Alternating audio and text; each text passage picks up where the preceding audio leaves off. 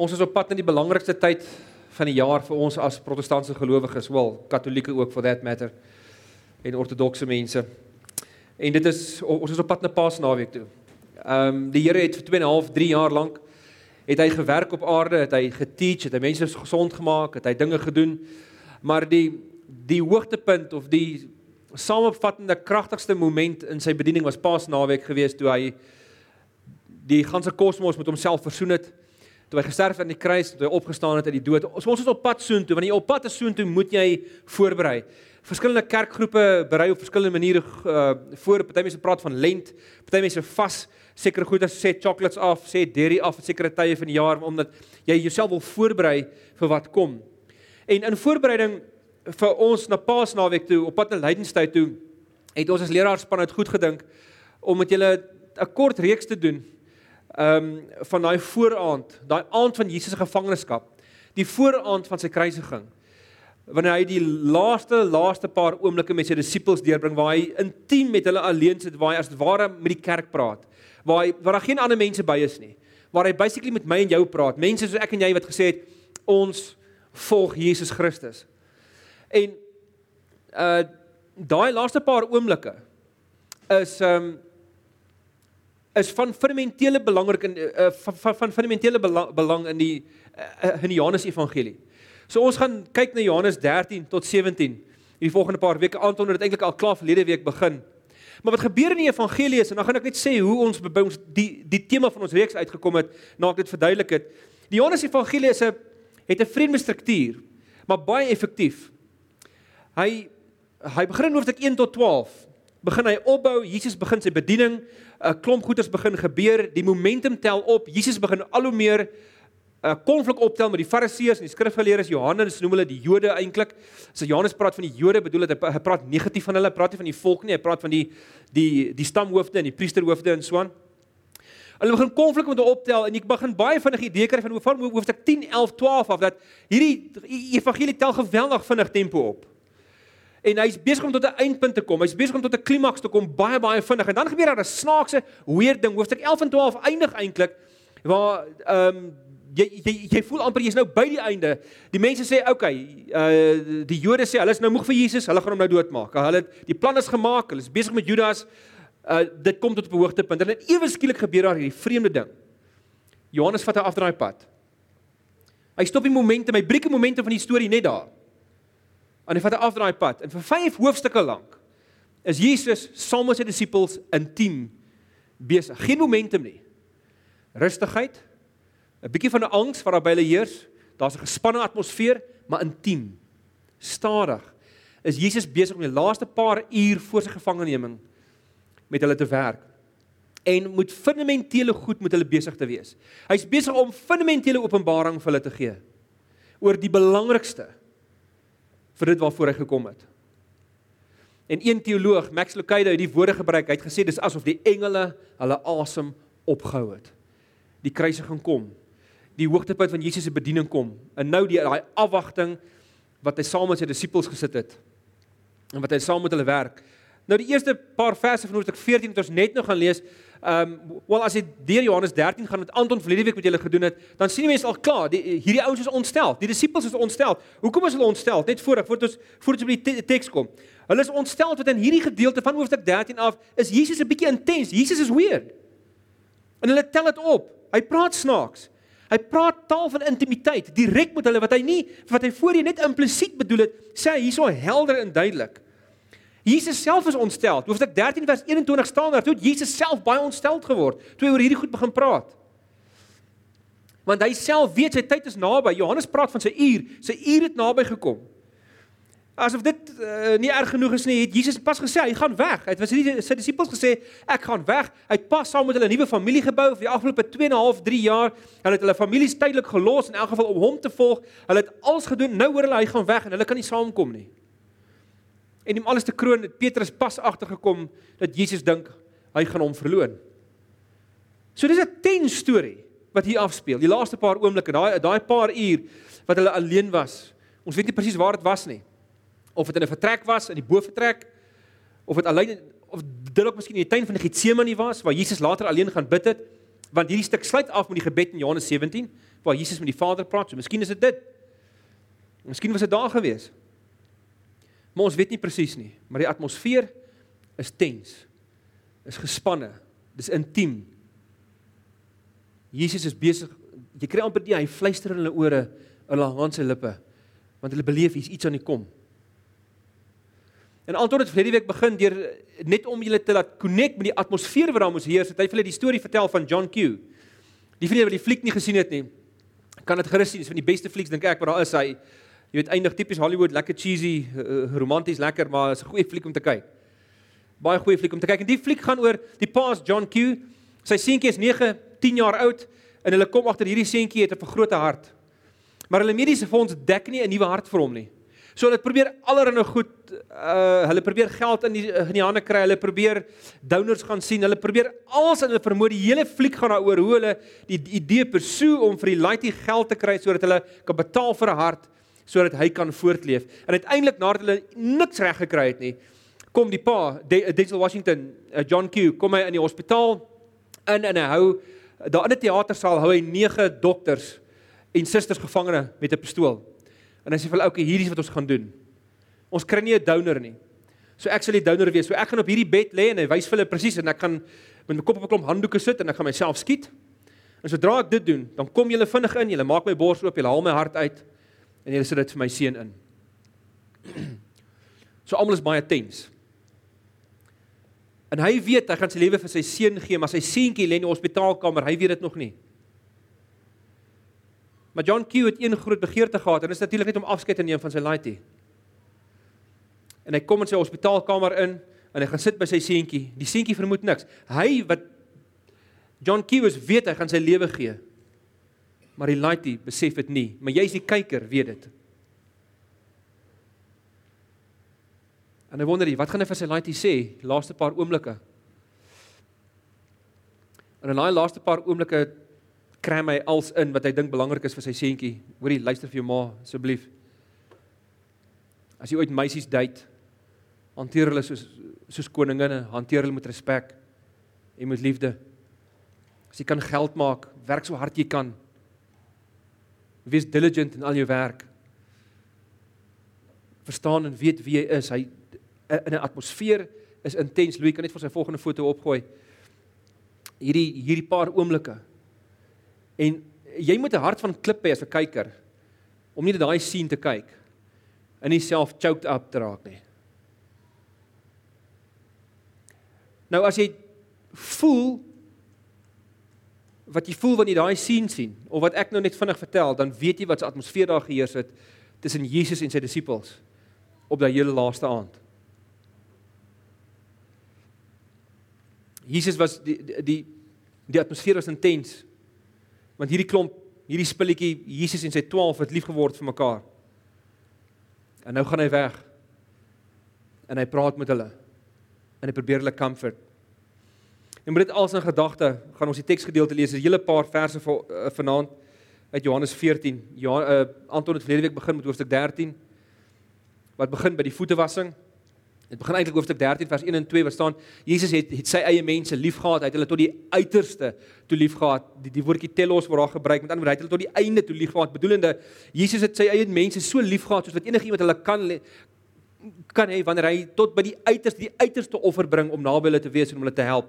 Jesus het sy eie mense tot die uiterste toe liefgehad en dan het hy eweskielik hulle voete gewas en vir hulle geillustreer die tipe van liefde wat hulle vir mekaar moet hê. En dan hy in hoofstuk 33 tot 35, ekskuus, vers 33 tot 35 in hoofstuk 13, sê hy vir hulle daarom ek gee julle 'n nuwe gebod. Julle moet mekaar lief hê. As julle mekaar liefhet, sal die wêreld sien dat julle disippels van my is. Maar nie in hoofstuk 14 gaan hy verder. Hy trek weg in eerste en tweede raad hier hoofstuk 13. In hoofstuk 14 dan versnel hy. Hy gooi na derde raad toe oor. En dit dit tel al hoe vinniger op. Die intensiteit raak dieper en dit wat hy aan hulle openbaar raak dieper en hy verduidelik vir hulle hoekom liefde so belangrik is. Maar hy begin deur hulle ontsteltenis aan te spreek. Dink 'n bietjie daaraan, hoe sou jy 'n medegelowige vertroos as hulle ontstel is? Wel kom ons kyk wat Jesus doen. Hy sê die volgende: Julle moenie ontsteld wees nie. Glo in God. Glo ook in my. In die huis van my Vader is daar baie woonplek. As dit nie so so was nie, sou ek nie vir julle gesê het ek gaan hom vir julle plek gereed te maak nie. En as ek gegaan het en vir julle plek gereed gemaak het, kom ek terug en sal julle na my toe neem sodat julle ook kan weet waar ek is en julle ken die weg na die plek waarheen ek gaan. Thomas sê vir hom: "Here, ons weet nie waarheen u gaan nie. Hoe kan ons die weg ken daarheen?" Jesus het vir hom gesê: "Ek is die weg en die waarheid en die lewe. Niemand kom na die Vader toe behalwe deur my nie. As julle my ken, sal julle my Vader ook ken. En van nou af ken julle hom en sien julle hom." Toe sê Filippus vir hom: "Here, wys vir ons die Vader. En dit is vir ons genoeg." En Jesus sê vir hom: "Ek is al so lank by julle En ken jy my nie, Filippus? Wie my sien, sien die Vader. Hoe kan jy dan sê wys vir ons die Vader? Glo jy nie dat ek in die Vader is en die Vader in my nie? Die woorde wat ek met julle praat, praat ek nie met my eie eh, nie, maar dit kom van die Vader wat in my bly en sy werke doen. Glo in my omdat ek in die Vader is en die Vader in my of anders glo op grond van die werke self. Dit verseker ek julle wie in my glo, sal ook die dinge doen wat ek doen. Hy sal nog groter dinge as dit doen omdat ek na die Vader toe gaan. Wat julle ook al in my naam vra, sal ek doen sodat die Vader deur die Seun verheerlik kan word. As julle my iets in my naam vra, sal ek dit doen. As julle my liefhet, sal julle my opdragte uitvoer. Ek sal die Vader vra en hy sal vir julle 'n ander voorspraak stuur om vir ewig by julle te wees, naamlik die Gees van die waarheid. Die wêreld kan hom nie ontvang nie omdat hulle hom nie sien nie en hom nie ken nie, maar julle ken hom belangrik hier, nê, hy onderskei baie sterk tussen die wêreld en julle. Dis wat dit so intiem maak. Hy praat met sy eie mense. Die wêreld is nie nou hier betrokke nie. Hy praat met met sy kerk. Hy praat met sy eie mense. Maar julle ken hom omdat hy julle by julle bly en in julle sal wees. Ek sal julle nie as weeskinders agterlaat nie. Ek kom weer na julle toe. Nog net 'n klein rukkie, dan sien die wêreld my nie meer nie, maar julle sien my omdat ek lewe en julle sal lewe. Daardie dag sal julle weet dat ek in my Vader is en julle in my en ek in julle. Wie my opdragte het en dit uitvoer, dis hy wat my liefhet. En wie my liefhet, hom sal my Vader lief hê en ek sal hom ook lief hê en my aan hom openbaar. So waarmee is Jesus besig? Hy's besig om in die laaste paar uur al hoe dieper in dieper met hulle te gesels oor wat die basiese dinge in hierdie heelal is wat reël is. Wat reël is, wat eg is. Hoekom sê ek dit? Hulle is ontsteld. So hy wil hulle regtig connect met met reality sodat dit kan deel met hulle ontsteltenis. Hy wil hulle connect met die mees basiese ding. En daarom openbaar hy bepaalde ding. Hy hy, hy begin familietaal gebruik. Hy sê in my vader se huis is daar baie woonplek. Daar's baie blyplek. As ek nie gaan nie, ek moet gaan om vir julle plek voor te berei. Ek moet gaan en, en julle sal nie sonder 'n familie wees nie. Julle sal steeds ingesluit wees. Sê hy vir hulle, moenie ontsteld wees nie. Glo in God en glo ook man in uh, glo glo in my. Hy praat van woonplek. Hy sê ek gaan hom vir julle gereed te maak. Dis gewoonlik iets wat die bruidegom sê vir die bruid. Uh ek gaan hom plek voor te berei en dan dan trou ons en dan vat ek jou soontoe. Wat wat dit gewoonlik beteken dit is 'n pa het sy huis so gebou dat as die seuns trou, en dit baie seuns gehad eintlik in daai stadium of liewer ek bedoel baie seuns en dogters, maar die die seuns het, het natuurlik by die pa gebly wanneer hulle getrou het en die huis is dan so 'n vierkant gebou, aangebou, aangebou, aangebou soos wat die mense getrou het totdat al die seuns getroud was en dit so so so aan die binnekant het hy so 'n vierkantige binneplaas gehad. Binneplein. So Jesus sê wie wat julle hoef nie te worry nie, julle gaan nie sonder familie sit nie. Julle steeds deel van die goddelike familie. En dan sê hy ek gaan julle haal sodat julle ook kan weet waar ek is. En dan connect hy hierdie familietaal aan die familie van die drie eenheid. Hy praat gedurig, wil Thomas vra van Here maar um, of Filippus vra, wys vir ons die Vader en Jesus sê, Filippus as jy my sien, het jy die Vader gesien. Ek en die Vader is een. Dan hoofstuk 15 wat Niels volgende week met ons gaan doen, gaan hy dit baie baie mooi uitbrei. Maar hy begin deur vir hulle te sê, kom ek verduidelik vir julle hoe die wêreld in mekaar gesit is. Ek en die Vader is een. Ons en die Gees is een. Net soos wat ek en die Vader een is, gaan julle in ons wees en ons in julle. En die Gees kom en hy gaan van ons getuig. Wat Jesus hier besig is om te doen is hy probeer vir hulle sê dat die mees fundamentele boublokke van die heelal en die ganse lewe is nie materie nie. Dis liefdevolle verhoudings. Want as God die skepper is van hemel en aarde, beteken dit hy is die hart van realiteit. En in die hart van realiteit is daar 'n drie-enige God, drie-enige Here wat die hele wêreld verhoudingsgerig aan mekaar gesit het. So hy probeer vir hulle sê ouens, as ek julle verlaat en nooit weer terugkom nie, dan is dit anti-realiteit. Ek sal altyd terugkom die hele tyd. Ek gaan nie vir ewig weg nie. Ek ek ek, ek beloof julle want die Vader die die God het die wêreld so mekaar gesit dat ek weer moet terugkom na julle toe. Hy connect hulle, hy nooi hulle eintlik as ware uit en sê bly lewe in hierdie community van die drie eenheid. Julle ken my reeds. As julle my ken, ken julle die Vader. Julle is reeds binne die community van die drie eenheid. Leef daarin, bid daarin. Dis ek wil vir die ouens sê julle sal alles kan doen wat ek doen. Want die ouer broer gee gewoonlik vir die jonger broers al die gesag om te doen wat hy moet doen. Hy hy delegeer gewoonlik van die gesag wat van die pa af gekom het wat dalk nie meer daar is nie of hoe ook al, delegeer hy aan die jonger broers. So wat hulle so wat hy vir hulle broers sê is as hy vir hulle sê julle kan kan doen wat ek doen. Julle sal kan groter dinge as ek doen.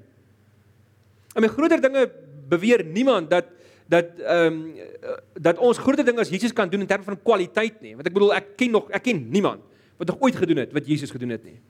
Ooit nie. Hy wat hy bedoel dit waarskynlik kwantitatief dat ons met meer mense gaan praat, dat ons met tegnologie en goed die wêreld gaan ingaan met die evangelie, dat ons baie groter dinge gaan doen en dan sê hy, daarom bid dinge in my naam. Met ander woorde, al is ek weg, die Heilige Gees kom in my plek.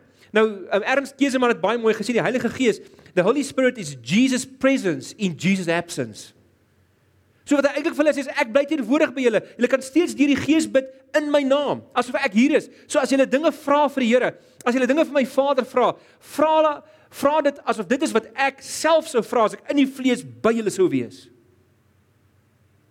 Jy kan dit vra. Ek is steeds tot julle beskikking. Moenie ontsteld wees nie. Dit gaan baie keer voel asof ek nie daar is nie. Maar die Gees gaan jou bystaan en gaan jou help. En hierdie is so mooi 'n uh, term wat daar gebruik word vir die vir die Gees voorspraak. Dis die woordjie parakletos. Uh, die woordjie beteken letterlik om te roep langs aan. As iemand in daai dra daai daai het 'n vrag swaar klippe gedra het, dan was 'n parakletos iemand wat langs jou gekom het en het die gewig vir jou help optel dat jou dat jou las ligter is. Maar in hierdie konteks het dit heel waarskynlik dalk so 'n bietjie van 'n bykomende betekenis ook. Dit het in daai dae is die hele samelewing gebou op weldoener ontvanger verhoudings. Hulle praat van 'n um, benefactor beneficiary of benefactor client relationships. Ehm um, hoekom? Want in daai dae was 90% van die mense ongeletterd. Ehm um, trouens nog meer is dit, uh, nader aan 95% in Israel. Ehm um, en in Galilea waarskynlik so 3%. Meeste van die mense sê van die historiese sê omtrent 3% was was geletterd, so tussen 3% en 10%. So wat beteken is die grootste deel van die samelewing het nie ekonomiese mag gehad nie. Hulle het nie verstaan hoe finansies werk nie. Hulle het nie verstaan hoe die landswette werk nie. Hulle kon hulself nie noodwendig altyd verdedig nie. Hulle het geen heenkome, wel hulle het nie die tipe heenkome gehad wat die ryk mense het nie. Hulle het nie verstaan hoe die wêreld in mekaar sit wanneer hulle um aangeklaas van 'n misdaad kon hulle self nie verdedig nie want hulle nie verstaan hoe die sosiale interaksie werk uh, uh, in terme van die wet nie. En daarom was daar weldoeners geweest. Nou wat weldoeners gedoen het is, dis gewoonlik ryk mense wat in die wat in die geletterde deel van die samelewing geval het. Hulle was gewoonlik ook hulle het, uh, uh, uh, hulle het baie gehad om te bied. So die oggende uh, voor die dag begin dan kom maar 'n klomp ontvangers. Kliënte as jy wil, kom by die weldoener se huis bymekaar buite sy hek. Almal het dit gedoen. El, elke oggend in daai ganse samelewing in die Joodse en Grieks-Romeinse gebied het hierdie weldoener ontvanger tipe van ding geheers. So die ontvangers kom in die oggend in die weldoener se hek toe dan kan hy af na hulle toe en 'n deel van hulle geskenke uit of 'n deel van hulle geld uit. En ehm um, en hy sê uh, en, en wat die en wat hy nog meer vir hulle doen is hy hy begin soms van die mense mentor. Hy help hulle om te verstaan hoe die wet werk. Hy hy mentor hulle 'n bietjie in terme van hoe die ekonomie mekaar sit. Hy help hulle om hulle besigheidjies aan die gang te kry. Wanneer hulle aangekla word van 'n ding, dan sal hy baie keer instaan vir hulle en 'n goeie woord vir hulle doen. Dis 'n benefactor. Daai benefactor het jy genoem die parakletos. Die een wat opkom vir my, die een wat instaan vir my. Nou natuurlik in daai spesifieke uh uh omstandighede moes moes die ontvangers, hulle moes natuurlik hulle lewens gaan leef met die met die naam van hulle benefactor op hulle lippe. So dis wat hulle dis wat hulle gedoen het vir die benefactor. Vir die vir die weldoener, is hulle sy naam gaan versprei en vertel hoe 'n great ou dit is, hoe goeie naam dit is, want dis hoe jy jou jou jou eer behou. Dit is 'n eer en 'n shame kultuur gewees. So die weldoener het sy eer behou deur soveel as moontlik mense te kry vir wie hy 'n goeie dinge doen en met hulle sy en dan sy naam hoog hou in die samelewing. En Paulus gebruik ook sterk hierdie terminologie, maar maar die die idee van die Nuwe Testament skrywers is God is die enigste benefactor.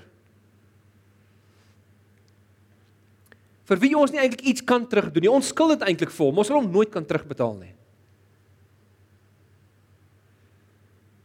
En Jesus probeer sê ek gaan weg. Maar dan gaan een in my plek kom, die Gees van die waarheid. Hy gaan julle help.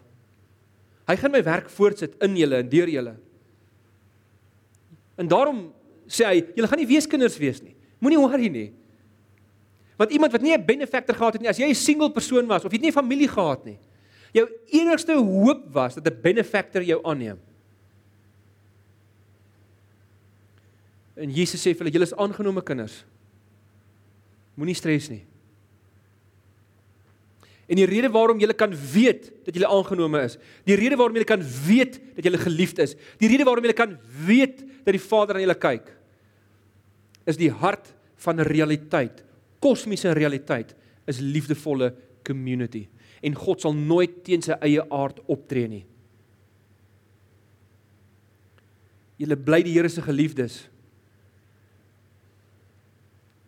En ek weet julle waardeer my benefaction as julle my opdragte uitvoer. As julle doen wat ek sê, dan bewys julle die liefde. Dan dan bewys julle meer as net my liefde vir julle. Julle bewys wanneer julle doen wat ek sê, sê Jesus, dan bewys julle vir die wêreld die liefde wat daar in die drie eenheid bestaan. Jy openbaar aan mense 'n groter realiteit. Nou watter opdragte is dit waarvan waarvan Jesus hier praat? Jy moet my opdragte uitvoer. Op hierdie punt was eintlik net een opdrag wat hy nog die hele tyd in in die Johannes Evangelie vir mense gegee het. En dit is om mekaar lief te hê. dat julle mekaar gaan liefhet. Met daai stukkie aksie openbaar julle baie meer as bloot net jou eie welwillendheid. Jy openbaar iets van kosmiese realiteit. Ek weet nie of julle dit weet nie, in fisika probeer mense nou al lank al uitvind wat is die mees basiese boublok van die lewe. 'n Lank terug van 7 eeue voor Christus af, kan jy glo, het mense gesê dis molekules. Nou natuurlik het mense nie in daai tyd so gesofistikeerde verstaan van molekules gehad soos wat ons vandag het nie, maar hulle het toe al gesê, Anaximander 7 eeue voor Christus het al gesê die die die die mees basiese boublokke bestaan uit klein onsigbare bewegende deeltjies. Wow, kan jy dit glo? 7 eeue voor Christus. In die 90er jare het mense begin sê ja, dit is molekules, maar is maar is ehm um, dis molekules wat opereer of of interaksie het volgens die kwantum uh die kwantum manier van van interaksie. En vandag ehm um, is daar string theory Ek weet nie wat vir die Afrikaanse woord daar is. Jy weet nie ingenieurs is of iets kom my Christus kom sê na die tyd. Uh en so die daar's dinge wat nog kleiner en nog meer afgebreek kan word as molekules wat nog kleiner is in sy mees basiese vorm en dit is vibrating strings of energy. Dis die mees basiese boublok in hierdie hele heelal. So wat Jesus sê is die grootste ding in die heelal en die mees basiese klein boublokkies van die heelal. Die mees basiese deel waaruit die lewe bestaan is nie materieel nie. Dis metafisies. Dis 'n drie-enige God wat in sy wese, wat sy wat in sy essensie liefdevol is. Dit beteken dat die drie-enige uitdrukking van God, die God van Jesus, is die enigste God wat voor die skepping al kon sê, met ander woorde voordat enigiets of iemand anders bestaan het, wat voor die skepping al kon sê, ek is liefde. Allah kon dit nie sê nie, want hy is net een. Om liefdevol te wees moet jy in 'n verhouding met iemand staan. Hy was net in 'n verhouding met homself. Dit dit dit dit wat of is net hy. Maar God die enig was voor die skepping al 'n liefdevolle community met homself. So die skepping was eintlik net 'n extension, net 'n uitbreiding van God se wese. So dis die versekering wat Jesus se disippels hier probeer gee. En as daar enige ander god bestaan het as die God van Jesus, Selfs al sê so God dat hy of sy liefdevol is. Sal ons nooit weet ja, maar is liefde deel van daai God se essensie of is dit net een van die eienskappe? Wie sê hierdie God se woede is nie groter as sy liefde nie? Ons sal nooit weet nie. Maar die God van Jesus gee ons die versekering liefde is God se essensie. God raak ook kwaad. Natuurlik, lees Romeine 1. God is kwaad. Hy's kwaad oor al jou ongeregtigheid. Maar sy woede is altyd reaktief. Beheerst. Verstaan mooi, beheerst, maar reaktief. Bedoelende, dis nie hoe hy wil wees nie. Dit is nie deel van sy essensie nie. Maar daar word nêrens gesê God is heiligheid of God is woede of God is toorn nie. Dan word wel gesê God is liefde. Johannes sê dit in 1 Johannes 2 en 4. Wat as jy boor deur al die lae van realiteit en jy kom heel onder uit, dan vind jy 'n liefdevolle Here wat die wêreld in sy hand hou. Die Vader verheerlik die Seun, die Seun verheerlik die Vader, die Gees verheerlik die Seun. Daar's 'n oor en weer gee van homself binne in die drie eenheid. Uh die teoloog Cornelius Plantinga sê dit so. Hy sê the Father, Son and Holy Spirit um glorify each other at the center of the universe. Self-giving love is the, the, the dynamic currency of the Trinitarian life of God. The person within God Hy praat van die elkeen van die persone van die drie eenheid. Exalt, commune with and defer with one another. When early Greek Christians spoke of perichoresis in God, they meant that each divine person harbor the others at the center of its being. In constant movement of overture and acceptance, each person envelops and enriches the others. God is daarom primêr relasioneel, primêr verhoudingsgerig. Die hart van realiteit is liefdevolle community. C.S. Lewis het verder iets soortgelyk gesê. Hy het gesê in Christianity, God is not an impersonal thing or a static thing, nor not even just one person, but a dynamic pulsating activity, a life, a kind of drama almost, if you will not think me irreverent, a kind of dance. The pattern of this three personal life is the great fountain of energy and beauty spurting up at the very center of reality.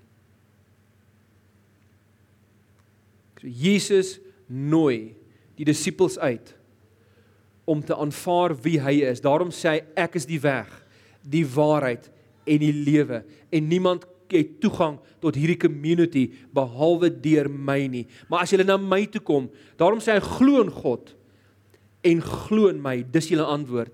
Want as jy dit doen, dan het jy access tot die mees ultimate community in die heelal. En leef jy binne in die community van die drie eenheid. Vriende, hierdie is belangrik. Dit beteken dat wanneer jy bid, mense sê baie keer, weet jy, dit voel nie asof die Here my hoor nie. My gebede slaan teen die plafon vas. Weet jy, die Heilige Gees sou graag in hierdie oomblik vir jou wou sê, wou glimlag en vir jou sê, weet jy wat God is onder die plafon want jy, jy bid al voel dit vir jou God is ver jy bid binne in die community van die drie eenheid as jy Jesus aanvaar as weg waarheid en lewe.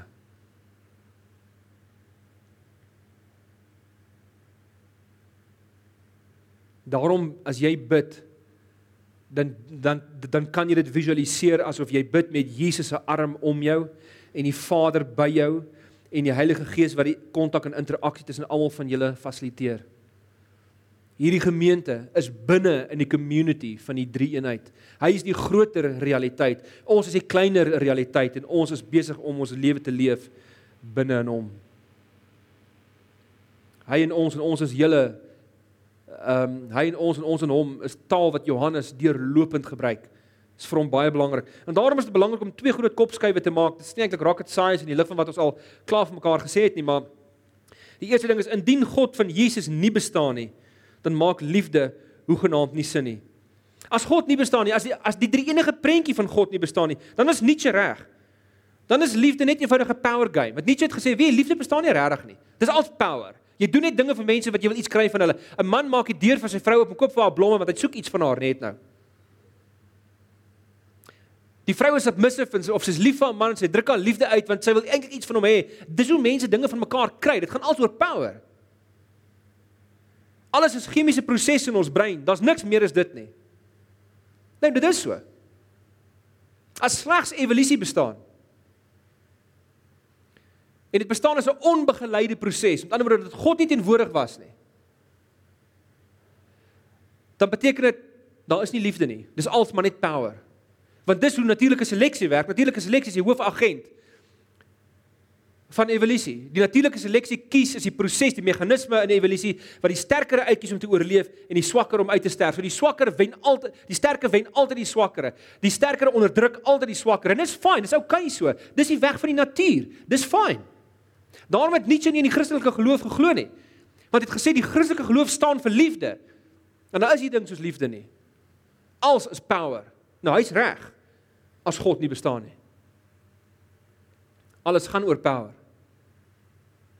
En dis omdat so snaaks is dat jy baie ateïste kry en agnostici wat so liefdevol is.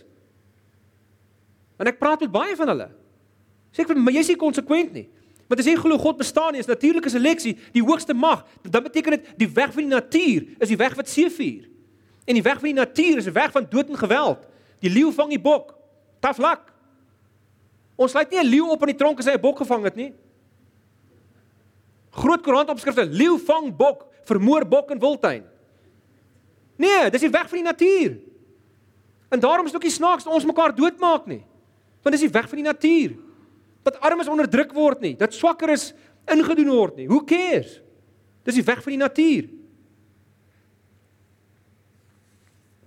Jy sien hierdie baie goed in die in die fliek Collateral. Dis 'n uitstekende scene in die fliek. Die ou links is Tom Cruise. Hy speel die villain in hierdie fliek. En ehm um, sy naam in die fliek is Vincent. Hy's 'n assassin. En die ou aan die regterkant van die skyfie is Jamie Foxx. Hy speel die rol rol van Max.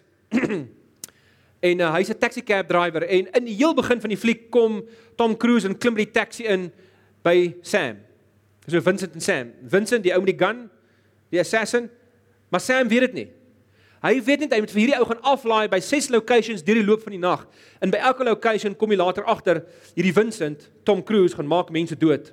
En dan kom hy terug in die taps taxi en ry hulle verder. En op 'n stadium kom Max vir die taxi ry agter. Magtig, hierdie ou is hy's 'n hy's 'n sluipmoordenaar. Hy's 'n kontrakmoordenaar. En op 'n stadium met hulle hierdie gesprek in die kar en hy vra hom, "Hoe kan jy? Hoe kan jy sommer net mense doodmaak? Hoe hoe kan jy sommer net jy weet God speel en lewe in jou eie hande neem?" en mense doodmaak. Dan het hulle hierdie gesprek in die kar. So kom ons kyk gou-gou daarna. Luister baie fyn. Dis baie goeie filosofie hierdie. So that's the reason. That's why. There's no reason. There's no good reason. There's no bad reason to live or to die. Then what are you? They're different. Get with it. Millions of galaxies of hundreds of millions of stars and a speck on one in a blink. That's us, lost in space. The cop, you, me. Who notices?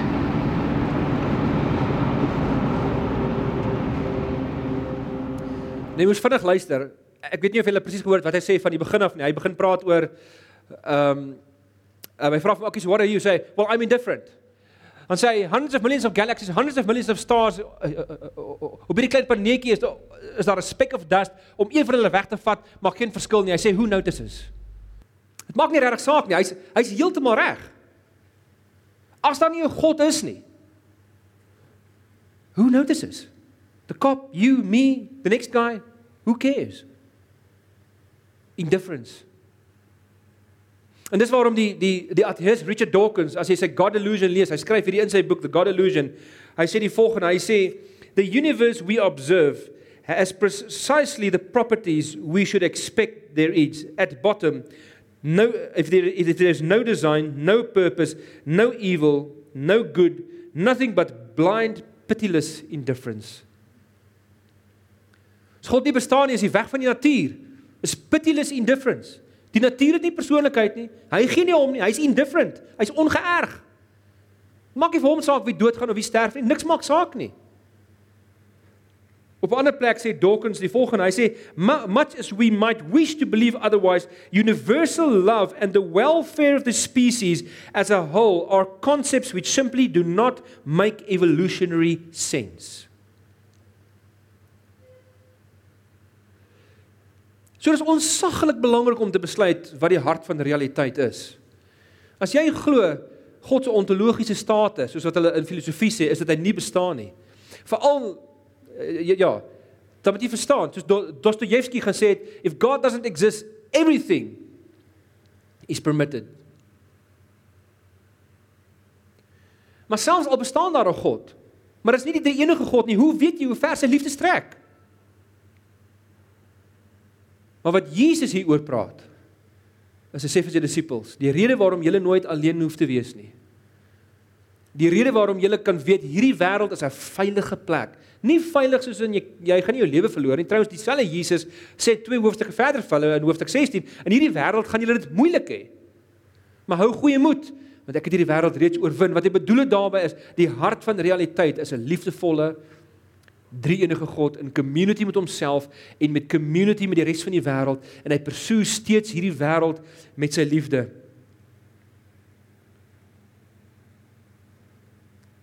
Liefde is die oorheersende krag, nie nie natuurlike seleksie nie. Agter die chemiese prosesse in ons brein, agter die liefdes aksies wat ons doen, al het ons baie keer verskillende motiewe, want ons het baie keer verskillende motiewe. Dit is so. Maar ons is gebroken, ons leef in 'n gebroke werklikheid. Dis waarom dit so is. Agter dit alles bly dit steeds ten spyte van ons gemengde motiewe, eh, bly dit steeds 'n blyk van realiteit te toon. Dit blyk steeds dit se vingerwyser heen na ultimate realiteit dat daar agter alles is 'n drie enige Here wat die wêreld so geskep het dat ons in interaktiewe liefde met mekaar moet leef. In 'n tweede kopskyf wat ons moet maak is neem deel aan gemeentelewe met 'n familie mindset. Dit die laaste deeltjie van die sin is eintlik die klem. Ek bedoel baie van julle is so betrokke en julle gee so baie van julleself en eers dis wonderlik. Maar wat ek hier probeer sê is wanneer jy gemeente toe kom, wanneer jy selfs by die werk connect met mense wat wat glo, 'n medegelowige is, dalk mense van 'n ander gemeente, of wanneer jy in hierdie gemeente betrokke is, sit vir jouself enter 'n familie mindset. Ek en hierdie medegelowige is meer as net twee individue. Ons is 'n familie waarvan Christus die ouer broer is. Ons is deel van 'n familie. Hierdie persoon wat die wit waksheid my irriteer of wat wat my so grensloos frustreer. Met wie ek weet weet soos kat en hond beklei. Ons is een familie. En daarom laat die Here hom nie as 'n weeskind agter nie of vir haar nie en ook nie vir my nie. En, en daarom is die die eenheid in diversiteit wat in die drie eenheid heers. Die drie eenheid is divers maar een. In 'n sekere sin, natuurlik op 'n ander manier is die drie eenheid want die drie eenheid bly 'n groot misterie. Ons moet nie maak asof ons drie eenheid verstaan nie. Maar op 'n op 'n misterieuse manier is dit wat ons as gelowiges moet moet uitleef. Diversiteit. Ons elkeen is anders. Daar's nie twee gesigte wat dieselfde lyk nie. Selfs nie identiese tweelings se gesigte lyk presies dieselfde nie. Ma en pa sal vir jou kan sê. Ek en jy gaan dalk 'n bietjie sukkel. Maar ma en pa gaan weet. Hulle is nie identies nie. Ons almal is divers en die Here het dit so bedoel, verskillende persoonlikhede, verskillende velkleure, verskillende tale, verskillende alles. Maar ons kan een wees in Jesus Christus wat die weg, die waarheid en die lewe is. En dit is waarna ons moet streef. Dis hoekom Jesus in hoofstuk 13 sê 'n nuwe gebod gee ek vir julle moet mekaar lief hê.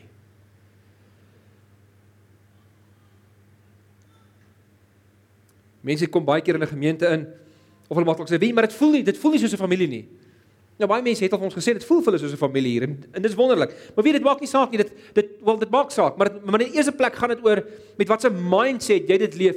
Jy begin ewe skielik anders optree en anders dink as jy lewe met die mindset van as ons Sondag bymekaar kom of mekaar by die werk sien as as medegelowiges of in ons Bybelstudiegroepie of ons klein groep of waar ook al, ons is familie.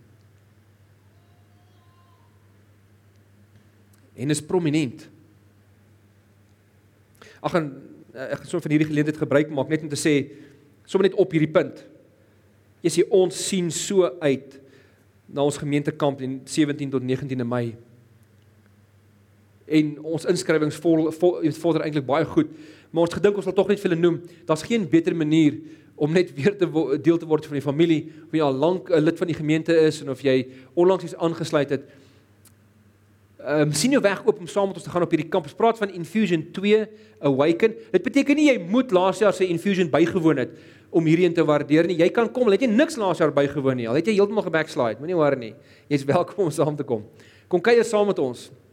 En ehm um, dit het beloof 'n ongelooflike lekker tyd te wees, maar mense is hoekom ons dit bygesit het net hier so op die PowerPoint is, mense het vir ons nogal gesê na laas jaar.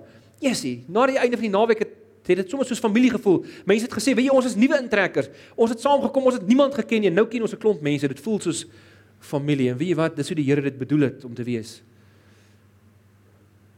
En familie is die mense wat jy die kwaadste maak. Is dit nie? Familie is die mense met wie die meeste beklei. Dis okay as familie fight. Maar jou eenheid in Christus moet altyd sterker wees as jou verskille. Ons kan divers wees. Maar ons kan steeds een wees. So ek wil vra soos dit hierdie hele gedeelte van Johannes afsluit in hoofstuk 17 met 'n gebed, gaan ons saam bid. En daarna gaan ons net weer luister na die sang wat die band vir ons laasweek gedoen het. Wat net weer praat van ons kom uit die duisternis uit terug na U toe. Here sê die sang back to you. Help ons om 'n liefde te hê wat sterker is as die liefde van die wêreld. En dan die chorus gedeelte wat sê let your love change me. Let your love change me. Kom ons vra dit vir die Here en miskien net voordat ons bid vanaand.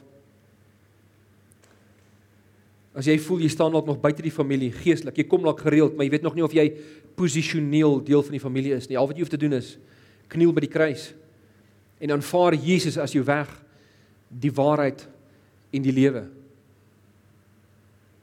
Aanvaar die feit dat hy in jou plek vir jou vir jou sondes gesterf het. Aanvaar Jesus daarom as die vergewer van jou sonde en die rigting en die leier van jou lewe. En hierdie familie van die drie eenheid is joune. En jy leef van nou af binne in die community van die drie eenheid. So lewende Here, U hoor ons hartskreet.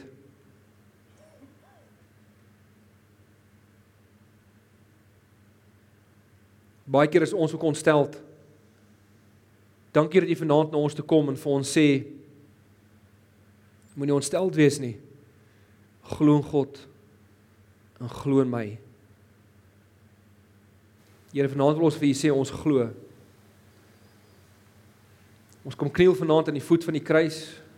Dankie vir wat u op Golgotha gedoen het en op opstanningsoggend gedoen het. Dankie dat u die dood oorwin het. Ons vra vir U daarom, Here, om 'n nuwe liefde in ons te vestig.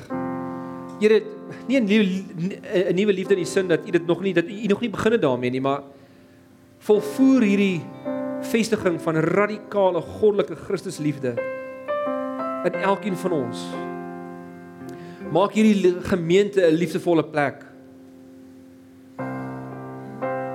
Maak hierdie gemeente 'n plek waar familie welkom is en waar buitestanders net so welkom is en waar hulle eenvoudig net kan inskakel kan deel word van 'n familie wat vir ewig gaan wees. Hierdie ons biologiese families gaan kom en gaan. Ons familiename gaan kom en gaan. Maar die drie eenheid is vir ewig, van ewigheid tot ewigheid en die community wat u stig, die geestelike community is bly vir ewig.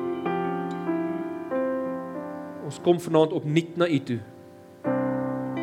En ons gee ons lewens.